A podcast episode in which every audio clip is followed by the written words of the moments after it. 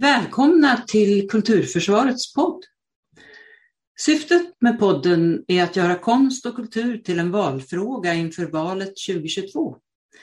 Jag som leder samtalet heter Ulla Bergstedin, är frilansande skådespelerska, kulturdebattör och grundare av Kulturförsvaret. Varmt välkommen till dagens gäst, Saad Hadjo, satirtecknare. Vi ska också säga att det här är en podd som ges i två delar. Detta är del ett. Välkommen! Tack Ulla, tack. Tack för inbjudan. Ja. Vem är Saad Hadjo och vad arbetar du med för närvarande? Ja, jag är inte skådespelare. Nej. ja, jag, har, eh, jag deltog i en komediteater någon gång när jag bodde i Libanon med en känd komiker där. Uh, det, ja, ja, det var lite roll, det bara några minuter. Och det, det tyckte jag var svårt att prata, jag ville rita istället. Ja. ja, jag är en satirtecknare. Eh, jag har jobbat hela mitt liv som satirtecknare och idéskapare. Jag skapar för nuvarande korta eh, satiriska eh, 3D-animationsfilmer. Tack vare corona, jag har suttit hemma, då började jag lära mig mer och mer animation, att animera. Samtidigt jag förberedde mig för min nästa utställning och jag letar efter en lämplig plats för estetisk idé. Uh, eh, den idén tillhör samtida konst faktiskt och talar om rollen som moderna med medier eh, och sociala medier förstås och effekterna av kognitiv och digital transformation och artificiell intelligens, hur påverkar de oss på oss? Jag skojar och driver mig lite. Jag har den idén i huvudet nu eh, och eh, jag började ehm, um, vill gestalta det.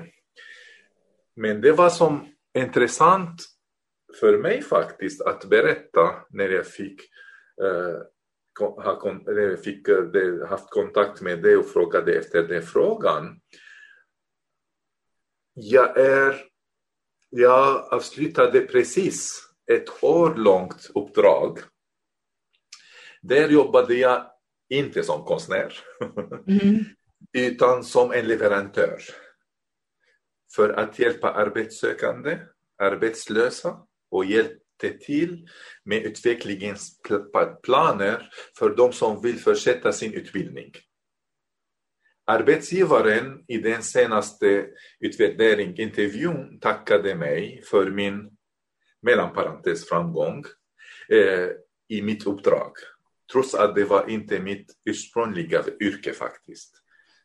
Vilka, vad hade de för yrken de här människorna? Eh, de, coach, de jobbar som coach mest. Eh, coacha andra, eh, eh, rådgivare till. Det är, privat, det är ett privat kontor som har avtal med Arbetsförmedlingen för att hjälpa till Arbetsförmedlingen att hjälpa deltagare som deltar i aktivitetsprogram ja. att lyfta fram deras kunskaper, förmåga och eh, kapacitet för att närma sig arbetsmarknaden eller eh, att planera till det kommande steget med studier. Ah, ja. Han förvånade mig, chefen, när han påpekade att min bakgrund som konstnär och mångkulturell, att ha olika bakgrund, kulturella bakgrunden och jag pratar några språk, eh, hjälpte kontoret att lösa många problem. Ah, vilka språk talar du? Jag Uh, vi talar nu svenska med Norrköpingsdialekt. Ja. så jag har bott hela mitt liv, mitt liv i Sverige, i Norrköping. Uh, jag pratar arabiska och jag är kurd. Ja. Och min andra språk var franska i skolan. Ja. Uh, sve, uh, svenska hjälpte mig att lära mig utan utbildning att klara mig med engelska. Uh, det upptäckte jag plötsligt faktiskt efter några år här i Sverige. Jag tror därför här i Sverige det andra språk är engelska. Mm. om du försöker prata på svenska och det andra snälla märker att du klarar inte det så de, de börjar prata med det engelska. Mm. Och medan jag lärt mig svenska tittade jag på filmer och, och tittade på, på um, subtitle. Det, uh, Undertexten det, ja. ja. Undertexten det på. Det, det kanske det jag hörde engelska och läste svenska så mitt, min dålig engelska har blivit mindre dåligt i alla fall. ja. ja, jag har uppdaterat deras deltagare, deras CV och bidrog till att träna dem kroppsspråket i kontoret, det sista jobbet som jag jobbat med. Och, hur presenterar man sig och belysa styrkor i deras personlighet förbättrade också chansen för att arbetssökande skulle få bättre resultat i anställningsintervjuer. Så enligt chefen, det var hans ord, spelade konsten unik roll under min tid på jobbet faktiskt. Ja, det kan jag tänka mig. Ja. Vilka länder kom, kom de här människorna från? Ja, det fanns från Mellanöstern, från Frankrike, de har, från Sverige, de talar bara svenska men de har bott länge utanf, utanför arbetsmarknaden, de var arbetslösa. Jag har träffat, det var intressant för mig, en av de deltagarna, hon var hästtränare, hon tränar hästar. Ja. Hon, är för, hon är född här i stan. Hon har jobbat hela tiden med naturen. Och sen blev hon isolerad av sitt oro när hon fick ett annat jobb faktiskt. Mm. Hon jobbat istället i en liten plats och det var folk kring henne hela tiden. Hon har datafobi till exempel. Så vi pratade lite så. Och sen genom började rita äh, hästar. Jag, jag, jag, jag, frågade henne om hästras eller så, därför jag tycker om att rita hästar faktiskt. Och äh, det var näst svåraste äh, anatomi efter människa är häst. Ja, det kan jag tänka mig. så på det sättet tror jag att hon kunde gå ur sitt oro Ah. Ja, och började tacka ja för några erbjudanden för praktikplatsen och så. Ja, faktiskt. Ja. Mm. Fantastiskt! Då, då har det kommit en ny lärdom om vad vi kan använda konsten till. Ja, det, det var sant faktiskt. Och, då blev jag glad att jag skulle inte hur ska jag börja med dig med den frågan? Men det märkte jag plötsligt att ja, det konst och kultur uh, har hjälpt mig och andra i Ah. ett annat jobb, inte mitt jobb som jag jobbat hela... I mitt jobb känner jag mig, trygg att jag kan hantera mina material, mina verktyg, uh, att skapa nya idéer. Ingen ska uh, hindra mig att tan- öppna fantasin och så. Men på det sättet uh, känner jag det, hur viktigt är det faktiskt i praktiken. Absolut. Vad spännande. Jag hoppas att de dokumenterar det här på något sätt och tar det vidare då, för det öppnar ju nya möjligheter att tänka. Ja, ja det hoppas jag med. Det kommer. Men du, eh, vem, vem är Sad om du tänker från när du var en liten pojke då? Och hur kommer det sig att du började med satirteckning? Uh, ja, jag är uppväxt i Damaskus. Jag kanske kommer sen till en berättelse om det andra frågor kanske, men uh, än så länge jag har vuxit upp i huvudstad uh, av Syrien. min familj tyckte om konst. de har studerat till andra studier, men som arkitekt eller ja, det, det finns det Eh, spår av eh, konst hela tiden i familjen. Min mamma eh, ritade och skri, skrev sina egna dikter. Mm. Som, ja, um, sen min näst äldst syster, hon är sminkös och jobbade i bioindustri. Mm. Då fick, fick jag följa med henne och titta uh, de kändisar bakom kulissen mm. innan de ska sminka och bli en annan, spelar annan roll. Så jag kunde se innan och efter. Kanske det har påverkat mig lite att kunna rita, skissa, spara i minnet några roliga idéer eller uh, skapade mer roliga idéer. Och sen har jag en uh, bror som är två år äldre än jag. Vi brukade spela tillsammans, leka med ansikte, med idéer. Han var begåvad att rita och skapa, sko skoja med allt möjligt.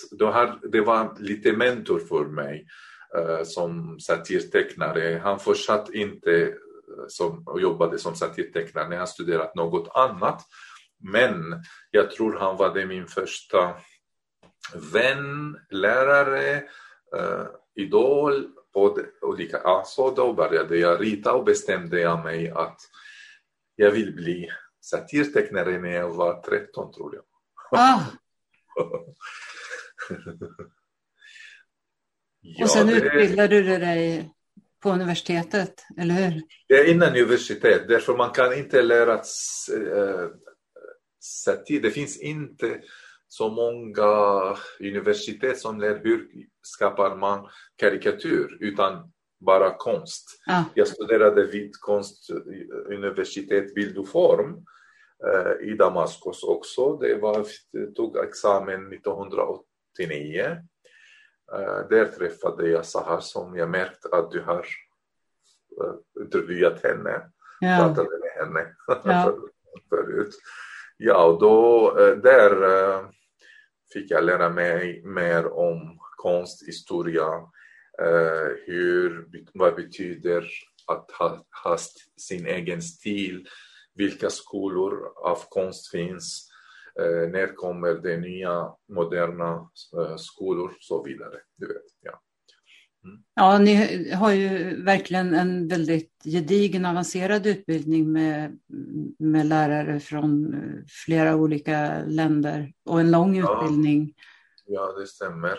Sen fick jag publicera min första satirteknik när jag var student eh, efter diskussion med min pappa innan jag skulle eh, bestämma mig att jag vill vara konstnär och satirtecknare. Han sa till mig att konst äh, med, äh, bli, kan ge inte bröd på något mm. sätt. Alla som mm. säger det och jag håller inte med då. Jag sa nej, kolla mina Eh, syskon, de är, eh, de är eh, ingenjörer eller så, men ändå de har svårt att, att klara mm. sig. Mm. Sen fick jag första uppdrag under studietiden att publicera en hel bild i omslaget i en veckotidning för att mm. rita. Det var inte i, jag var i Syrien men det, tidningen från början var i Libanon. Mm. Så jag fick rita ett ansikte varje månad och jag fick bra betalt för det som student. Då kom jag till eh, min pappa och visade honom, kolla jag hade min första lön som jag kan klara mig eh, nu, jag behöver inte eh, din stöd i, i år. Så han skrattade och vi skrattade alla. Så, ja.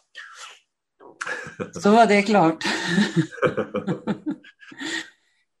så varför anser du att det är viktigt att föra in konst och kultur i debatten inför valet 2022?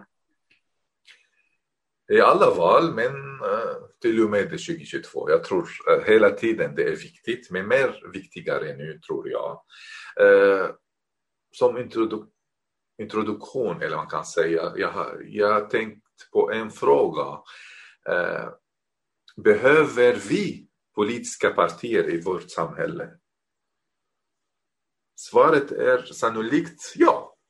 Alla säger ja, det behöver vi. I princip har varje parti ett motto och en specifik färg som definierar partiets ideologiska identitet. Ja, jag har kollat och tänkt, eh, till exempel Socialdemokraterna och Vänster valde till exempel rött. De, de kallade dem röda som en visuell eh, identitet. Eh, Nya Moderaterna som kritiserar jämt eh, de röda. Trots att jag kollat lexikonet att Moderaterna synonym är måttfull. Måttfull. Eh, det, det får vara någon måtta på kritiken. Men de. Jag bara skojar. Jag bara skojar. Nya Moderaterna och eh, Liberalerna håller fast vid blått. Det är blå färg, eller hur? Och det, du kan också tänka på andra eh, partier med färger. Så kommer en fråga till. Behöver politiska partierna en grafik, grafisk formgivare och en konstnär? Jag tror det. Jag tror det. Därför ska gestalta och göra en logotyp och bland annat. Och eh, även författare för att formulera Eh, mottot också det. Eh, men jag tänkte också så här att räcker det med en grafisk formgivare för att designa alla partiers logotyper? Det, jag tror det kommer bli tråkigt att bara en formgivare finns och eh, designa alla partier. Sen kom jag till Sverige faktiskt. Jag var politik mitt intresse som bakgrund. Jag måste vara kunnig, tyckte jag som satirtecknare, att veta mer om något innan jag skulle kritisera det. Och sen eh, kollade jag igen uh, den här veckan om partiernas uh, politik. till exempel Socialdemokraterna vill se att, här läser jag ur deras hemsidor, att ett starkare samhälle med mer resurser till skolan och sjukvården till exempel och Sverige ska vara ett modernt välfärdsland som bygger på sammanhållning. Trygghet för att vi skapa ett tryggare Sverige. Partiet pratar bland annat om trygghet mm. och välfärd. Och, välfärd. Mm. och sen de vill, vi ska i ett land där kvinnor och män går till jobbet, känner sig trygga och kan kombinera familj och arbete. Ja. Mm. Det är ett exempel. Eh, Nya Moderaterna till exempel, de pratar kring eh, huvudda eh, stora frågor, vill åter, återupprätta samhällskontraktet. Mm. Den som jobbar och anstränger sig ska kunna för, eh, förvänta sig att staten garanterar medborgarnas trygghet och att välfärden fungerar. Då pratar jag igen om välfärd och hur fungerar det. Eh, SD pratat om välfärd också, men de använder andra ord.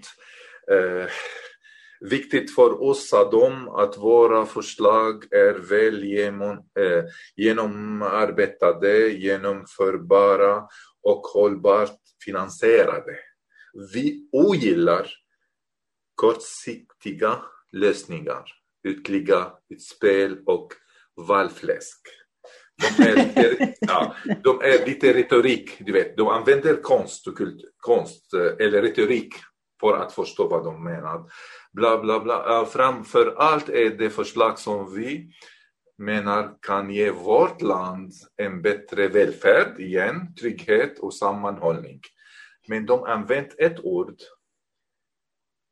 genuint. Genuint det. Eh, som äkta, den som äkta. De, vem är som äkta, det, det betyder. För mig lite oro för vissa ord som till exempel i mitt hemland Bashar al-Assad har hotat sin folk, bombade dem och som det blir i flykt flera miljoner. Efter det och många, några år, han höll ett tal någon gång och han sa nu vi har ett homogent samhälle. Mm. Vad innebär det för honom? Så det, jag är orolig för vissa ord kanske ser ut fint men i alla fall, men i slutet det var trygghet och eh, välfärd och sammanhållning. Liberalerna också, de varenda människa ska ha möjlighet att bestämma över sitt eget liv och jobba hårt för att uppfylla sina drömmar. drömmar. Jag är en av dem alla. Jag är medborgare. Jag ska bestämma över mitt eget liv. Jag vill vara konstnär. Jobba hårt för att uppfylla mina drömmar att publicera satirteckningar i, i svenska eh, tidningar. Hela Sverige ska vara möjligheterland för alla, säger de. Och i slutet pratar de också om välfärd och trygghet.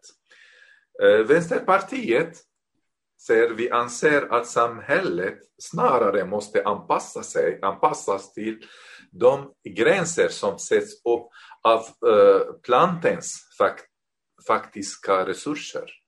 Vårt mål är det socialistiskt samhälle grundat på demokrati, jämlikhet och solidaritet. Det gillar jag, det ordet, solidaritet. Mm. Ett rättvist och igen ekologiskt hållbart samhälle. Ja. Så alla pratar i slutet med välfärd, hållbart samhälle. När ordet kommer, hållbarhet och välfärd, det kan inte komma separat utan konst och kultur.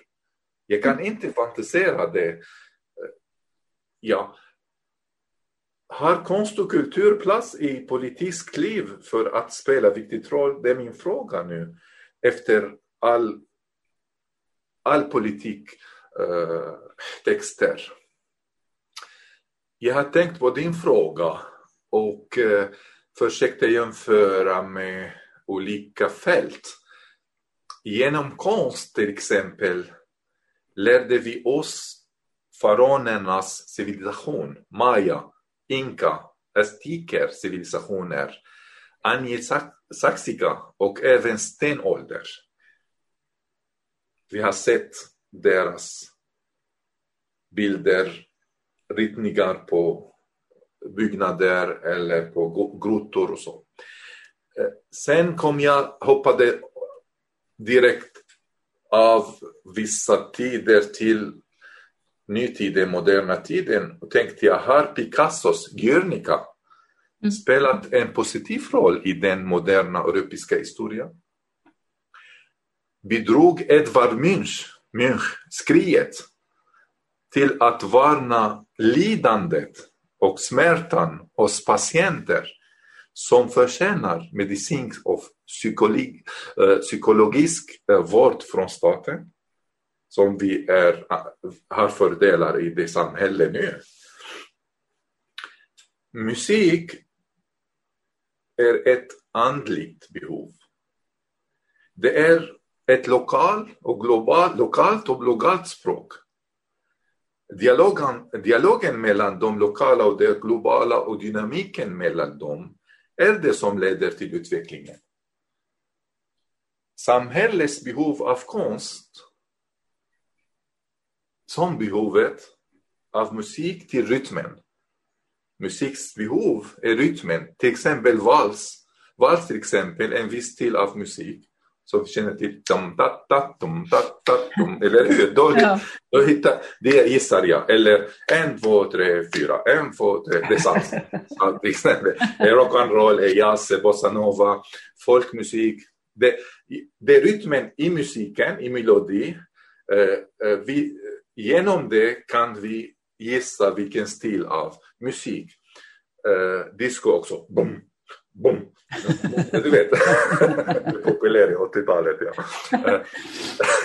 Musik och konst hjälper till att läka sjukdomar, det vet vi. Mm. Och eh, inklusive samhällssjukdomar, konst och kultur hjälper samhället att hitta sin rätta rytm, tror jag. Så. Jag tänkte på det sättet. Sen, jag gick vidare, om jag får fortsätta, det kan jag. Varsågod. uh, ofta gick konsten före vetenskap vetenskapet, äh, vetenskapen äh, när den nådde uppfinningar. Jag tänkte nu på Leonardo da Vinci till exempel, mm. idéer mm. om flygmaskiner, helikoptrar, fallskärm, kran, även cykeln. Han, jag upptäckte att han, han försökte uppfinna cykel. Utan hans teckningar, konst, skulle vi inte kunna få tillräckligt inspiration eller åtminstone eh, vår ankomst till målet skulle ha försenats. Mm. När du frågat mig om partier, vilka är viktiga, vad är det viktigt och varför eh, konst och kultur är viktigt till valet, då tänkte jag på att iPhone har mer makt än alla partier. jag har sett dina teckningar. Vi ska lägga en länk till din hemsida så att eh, man, kan gå in och titta på dina teckningar. Smartphonen tills vi fick den i handen till exempel behövde konst. På vilket sätt? Jo, mm. det nu, eh, nuvarande eh, konkurrensen och att övertyga konsumenten är att produkten ska vara praktisk, användbar men också vara unikt designad. Mm. Det vill säga konst måste spela en grundläggande roll i processen. Här började jag komma till det kärnan av mina tankar kring din fråga. Eh, när vi kom till Sverige, gick till skolan, och SFI och sen i grundläggande skolan, SAS 1, 2, 3. Vi hade studiebesök till olika platser. En av dem det var i riksdagen, parlamentet i Stockholm, där vi lärde oss om allt om Sverige och lagar och regler och systemet. Det tyckte jag var underbart. Det var i mitt land, jag, jag kunde inte lära mig sådana grejer. Eller vem vet vilka lagar som eh, alla länder fungerar på vilket sätt i de totalitära länder som, som mitt land som jag kom ifrån. Det finns fyra grundlagar i Sverige, alla känner igen, måste i alla fall. RF, OS, OTF, UGL, jag vill säga regeringsformen och uh, successionordningen, jag ska inte prata om, men det som jag tyckte att det var mycket intressant och är, måste försvara dem, vi som civila, eh, tryckfrihetsförordningen, TF, mm och yttrandefrihetsgrundlagen. Och det är som är mycket viktigt tror jag i, i din fråga. Eh, jag tror att vissa partier genom att kontrollera konst och kultur och försöka begränsa konst och kulturs roll kommer hota yttrandefrihetsgrundlagen. Mm. Barn lär sig fritt i Sverige. Förut var inte fritt. De, de blir slagna förut för 100 år. Vem tror då att, att inte slå barn, att slå barn det är inte pedagogiskt. De trodde att, att slå barn det är bra för att lära sig. Det var fel. Men nu vet vi att det var fel. Men förut de trodde det var bra. Så det är yttrandefrihet mycket, mycket viktigt och intressant. Eh, därför konsten och frihet, när de ritar och fantiserar, till exempel barn, eh, konsten och frihet, en, garanti, en av de garantier för att barn växer upp i hälsosam miljö utan tvång och förtryck. Mm. Jag tänker så här, har politiker rätt till att sätta gränser för yttrandefrihet? Att förneka yttrandefrihet för konstnärer och kulturaktörer? Och att ge sina åsikter om konst och hur konsten och kulturen bör vara? Jag tänkte på en, ett exempel till exempel. Jag tänkte på en specifik Eh, politiker är det möjligt för en politiker när den går till tandläkaren att bestämma hur tandläkaren ska behandla de tandverk som politikern fått. ska politikern säga till tandläkaren vad och hur ska fixa tandproblemet? Då får politiken bestämma formen, storleken av kvantiteten av det leende som jag som satirtecknare eller andra mina kollegor satirtecknare ger till publiken. Mm. Kan politiken någonsin kritisera sig?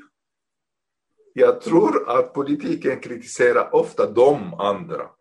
Politiken hånar mot rival, rivaliserande eh, partiers politik. Mm. Politiken är ofta subjektiv och inte neutral trots att vi är, sitter eh, i neutrala länder, men politiker ofta är inte neutrala. Eh, gentemot kon, konkurrenter. Politiken vid akut behov då att bli kritiserad sakligt. Vem gör då? Vem gör? Här kommer konsten och kulturs roll för att skapa en lämplig miljö som gör, gör kritik till ett positivt verktyg för att förbättra politik och samhället. Det är inte för att ta eller stjäla makten från de rivaliserande partier till det partier som tillhör politik. Ja. Bara så tänkte jag på det sättet att förstå först själv varför är det som jag gör eller mina kollegor gör viktigt till andra. Att inte tro att jag, är, jag gör det viktigaste roll i samhället, det är fel. Alla lika värde. Så, men jag kan prata om mitt fält som tandläkare. Mm. Jo, men att det får sin rättmätiga plats också. Ja, det är väl egentligen ja. det vi talar om. Du, du, du kom ju eh, 2005 till Sverige. Och det berodde ju väl, du, egentligen så, du var ju inne på det innan och du pratade om att din, din pappa var orolig för att du inte kunde försörja dig. Men, men eh, det var väl också så att du egentligen inte kunde publicera dina satirteckningar i, i Syrien och, och, och så flyttade du som flera andra av dina landsmän till Beirut i Libanon och arbetade där. Men sen blev det även farligt att vistas i Libanon, var det inte så? Ja, det stämmer. Det, eh, min pappa hade rätt faktiskt. Han var orolig om jag skulle vara satirtecknare i eh, mitt hemland. Då jag skulle då berätta lite, när du frågat mig vem är du, kanske här är lämpligt eller det finns sammanhang att berätta lite om lite bakgrund om mm. mitt hemland. Eh, prata om min hemstad Damaskus. Eh, en av världens där. äldsta städer. Stämmer. Ja, det stämmer. Min mormor som föddes 1910 hade en omvårds, omvårdnad examen och arbetade som barnmorska. Mm. Hennes examenbevis hängdes på väggen i gästrum, hennes vackra hus. Mm. På fritiden tog hon hand om sin trädgård. Där fanns det cirka 200 arter av blommor och växter. Min morfar var en pensionär officer eh, född också 1910. Han älskade musik och natur. Han bestämde sig för att bygga en sommarhus på berget.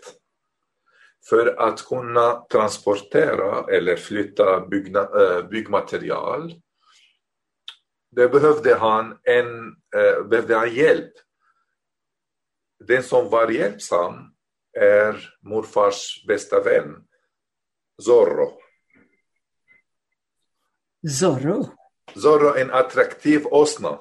Han hette ah. så. Ungefär.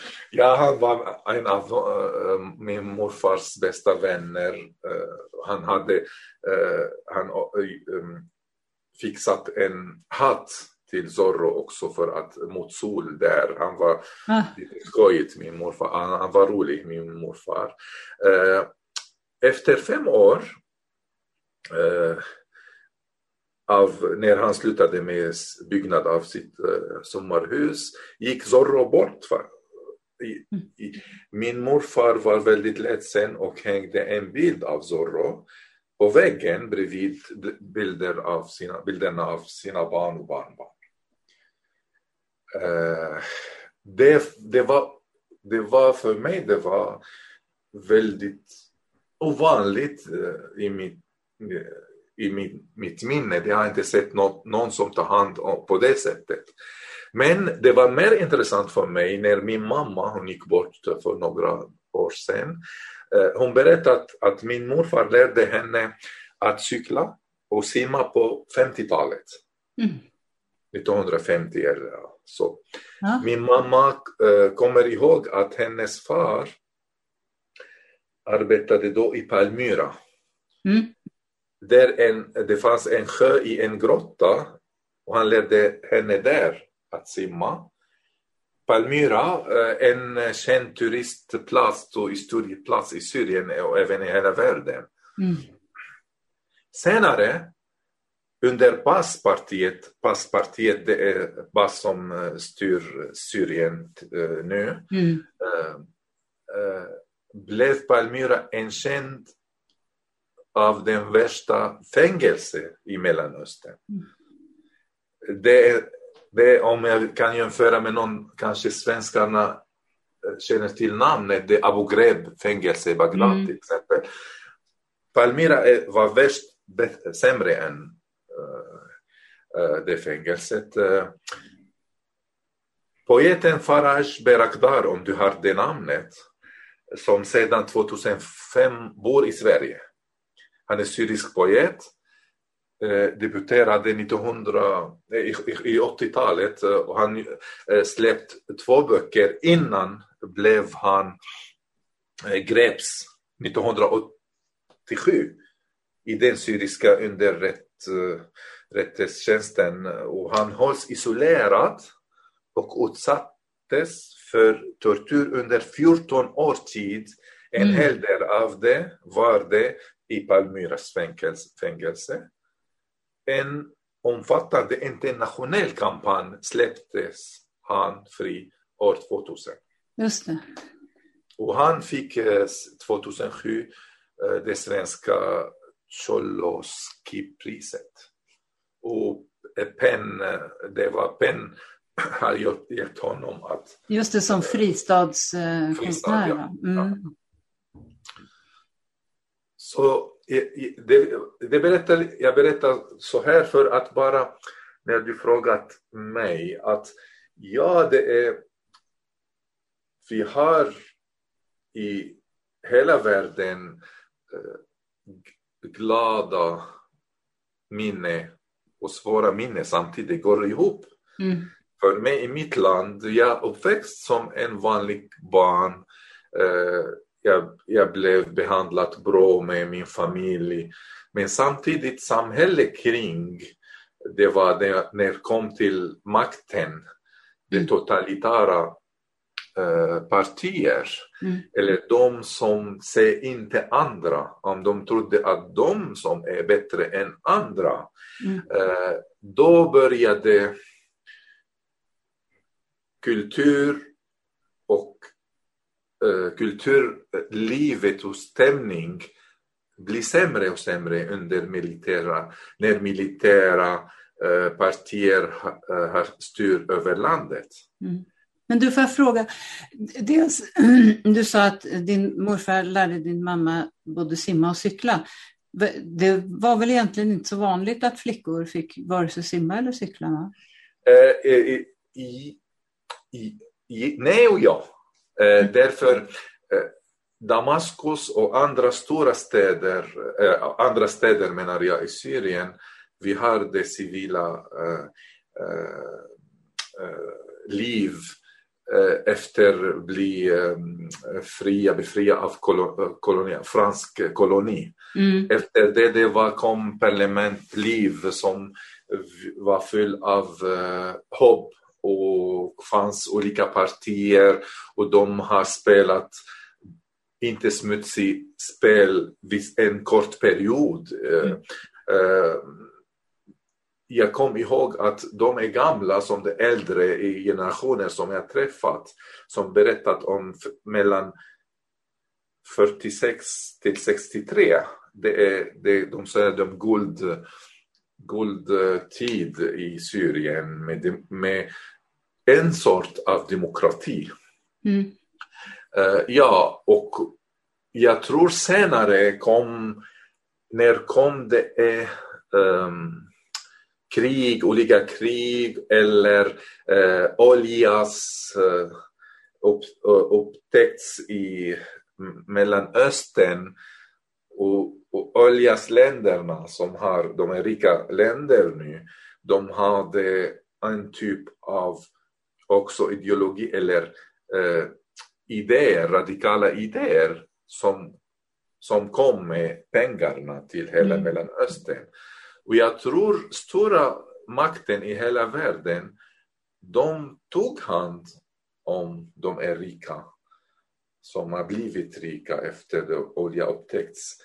Och de struntade i frihet, tror jag, i Mellanöstern. Mm. Därför det pengars spelat huvudroll och affärer mellan... Just det.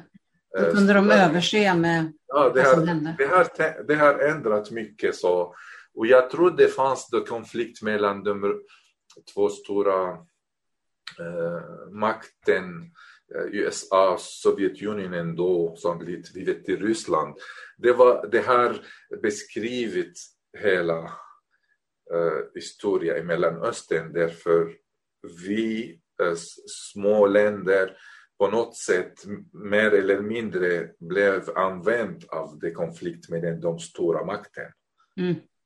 Vem tillhör vem och vem som ska få stöd av. Så jag tror att det har spelat roll för att i alla fall eh, utvecklingen att välfärd i 50 och början av 60-talet i Mellanöstern har minskat. Mm. Det har påverkat allt. Jag tänkte också fråga, för du sa när du kom till Sverige så kände du att du blev väl mottagen, för du fick uppehållstillstånd och du fick arbeta och du fick rätt att rösta i kommunalval. Vad, vad visste du om Sverige innan du kom hit och vilka förväntningar hade du? Ja, det, om jag ska försöka svara på det, jag ska försöka hitta på de första ord kanske det kom till sympati, kvinnors rättigheter, det visste jag innan du menar, mm. eller hur? Ja. ja. Eh, sympati, kvinnors rättigheter, eh, vård och försäkring för vård och omsorg. ABBA, bandet. Ja. Björn Born förstås, som ja. vet, vet sen att han är från Södertälje. Scania-bussar, vet du när jag var liten, det fanns en eh, modell av fina bussar med färger. Ah. Fullt av färger. Och det var Scanias. Aha. Så till exempel Scania-bussar, jag visste inte då att det är från Sverige, men nu när du frågat mig då, uh, Ericsson mobiler, uh, ja. Neutralitetsprincip neutralitetsprincip. Mm, just det. Dag, Dag Hammarskjöld, Olof Palme, Anna Lind, Nobelpriset, Evert Karlsson förstås. Volvo, Ikea, vem ja, måste nämna Ikea. Uh, demokrati, mm. dödsstraffs avskaffande, det var viktigt. Uh, hästspel, mm. klimatfrågan, det visste jag innan. Ishockey. Ja. Is, is i sig. Just det, is ja. En bra förutsättning för ishockey. uh, Pippi Långstrump, ja det är uh, Selma Lagerlöf uh, och Mats Wilander. ja precis, för Selma Lagerlöf, för ni, ni läste faktiskt Nils Holgersson. Ja, ja visst. Ja. Sen Rädda Barn, det var, det var känt. Uh, Kofi Annans svensk fru. Mm. Eh, man, ser man tunga industrier och mikroindustrier, det är en tung, eh, stora industrier ja. och, och mikroindustrier. Eh, hur, hur, hade du lärt dig allt det här? För om jag, om jag ja, frågar mig själv så vet jag inte alls så mycket om Syrien. Och då nej, det, jag tänker på Sverige innan. Eh, Ericsson, det alla hade då. Mm. Det var till exempel. Ja. Sen vi hörde att det är mikroindustri mycket i de nordiska länderna. Mm. Ja, det är så. Uh, och vi hörde mycket om bra invandringslagar faktiskt. Integration, det är mångfald, alltid det tillhör Schweiz och uh, Skandinavien. Uh, byråkrati, lite no. grann sjukförsäkring förstås, pension, eh, garanti, pensiongaranti och så. Eh, religion, eh, religionsfrihet, det var också det var känt i hela världen att eh, i Sverige får man eh, tro vad man tror på utan att någon distur, av någon att du stör någon annan. Ja, det är jämlikhet också. Sen mitt intresse var, då visste jag innan, Stangets och Shitbiker jazzfestival 1983. Det mm. kan, kunde jag innan. Så det, mm. Eh, men sen läste jag om något annat när jag kom hit, till exempel exporten av JAS 39 Gripen till Sydafrika. ja, ja. Det, det, finns alltid skamfläckar.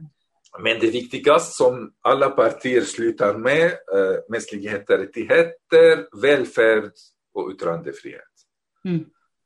De orden som jag lärt mig. Men det, var, det finns en berättelse om hur hörde jag för första gången någon, något från Sverige. Jag var ett barn, cirka 9-10 år och i mitt hemland, i min stad, vi som barn fick åka till bio och titta barnfilmer. Mm varje vecka, varannan vecka som en, ett gäng, en grupp från skola eller efterskola, fritid. Och vi brukade titta på roliga Walt Disney-filmer eller eh, ni vet, du vet, de animerade filmer eller det fanns från Tjeckien eh, jättefina filmer för barn och det fanns en känd film som vi har sett det flera gånger frukt och eh, växter som är gör gjort till människor som Alltså, de, jätteroligt kommer jag ihåg. Men någon gång satte vi och såg en film som var lite konstigt som barn. Jag försökte förstå vad är det för något men det var bara texter och eh, zoom in eller långsamma bilder. Men intressant ändå, det var fint. Men jag, jag fattade ingenting om, om det filmen. Sen när vi gick ur filmen upptäckte vi att de har spelat in, eh, eller äh, spe, äh, spelat fel, en film av Ingmar Bergman, det var fel. De har lagt det, det är personalen, det är ansvarig, det kanske tog en fel, fel låda och lagt, och lagt det. Jag tror bakom spegel, eller finns något... Ja, så, som, så som i en spegel. Ja, det, det kan vara det, därför affischen låg där framför. Ja. Det var, och det är inte direkt någon barnfilm. då Ingmar Bergman då, jag, jag fattade ingenting, men det tog tid innan jag fick veta vem är Ingmar Bergman. Det var faktiskt min äldsta bror som bor i Bollnäs nu, han studerade till arkitekt i Moskva och hans bästa vän studerade till regissör där. Mm. Och, och han pratade till mig, det, uh, Mohammad Karis, det är en, en, en känd regissör i Syrien. Han berättade om sin lärare. Och hans lärare var Andrei Tarkovsky. Mm. Som Ingmar Bergman i hans biograf nämnde honom som mästare. Mm. Han skrev om Andrei Tarkovsky, det är mästare. Uh, och så min brors bästa väns lärare Andrei Tarkovsky fick veta om, mer och mer om uh, Ingmar Bergman därför den regissören var galen med fina uh, filmer som gjorts av de två stora, eh, stora regissörer eh, med en japans, eh, till och med det japanska Kurosawa. Ja. Han berättade ja. hela tiden om Kurosawa, Andrei Tarkovsky och Ingmar Bergman. Men du blev inte skadad för livet i alla fall när du fick se den där filmen som barn? Inte syns än, det syns inte än i alla fall. ja. Stort tack Sad för att du ville medverka. Tack, tack. Och eh, välkomna att lyssna på del två av den här podden med Sad Hadjo. Och tack för att ni lyssnade. Och den som vill veta mer om Kulturförsvaret och om kommande poddar kan gå in på kulturförsvaret.se. Poddarna hittar ni på sidan och där poddar finns. Om ni vill gå med i vår Facebookgrupp så är det bara att gå in och ansöka om medlemskap. Gruppen är öppen för alla som är intresserade av konst och kultur och tycker att det är viktigt att konst och kultur och fri press och media diskuteras på samma villkor som andra politikområden inför valet. Tack och på återhörande.